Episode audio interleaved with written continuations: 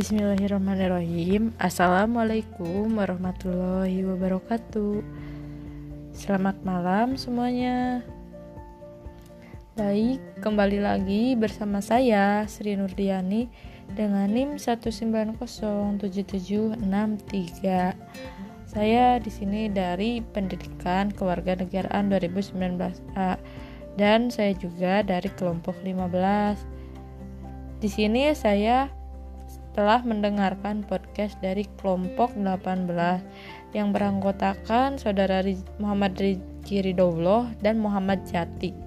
Di sini saya akan memberikan sedikit masukan kepada kelompok 18 yang telah dibuat podcastnya oleh saudara Rizky sudah bagus. Akan tetapi suara dari saudara Rizky terlalu kecil dan backsoundnya suara dan mohon maaf dan backsoundnya suaranya terlalu besar jadi terdengarnya itu uh, yang jelas backsoundnya aja. Dan kepada saudara Jati wah podcastnya niat banget tuh.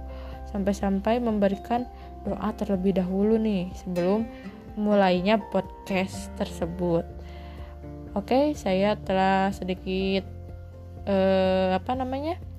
Setelah mendengarkan podcast dari kelompok 18 bahwa guru harus mengatur panggung saat mengajar.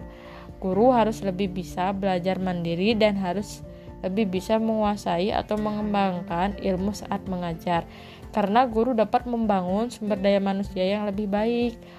Ya, benar sekali itu apa yang telah disampaikan oleh saudara Riji di podcast tersebut. Dan tambahannya dari saudara Jati, guru sebagai studi sosial, kita harus dapat mengembangkan diri dengan baik, serta guru dituntut lihai dalam mengolah data di masa lalu yang berguna untuk acuan di masa depan.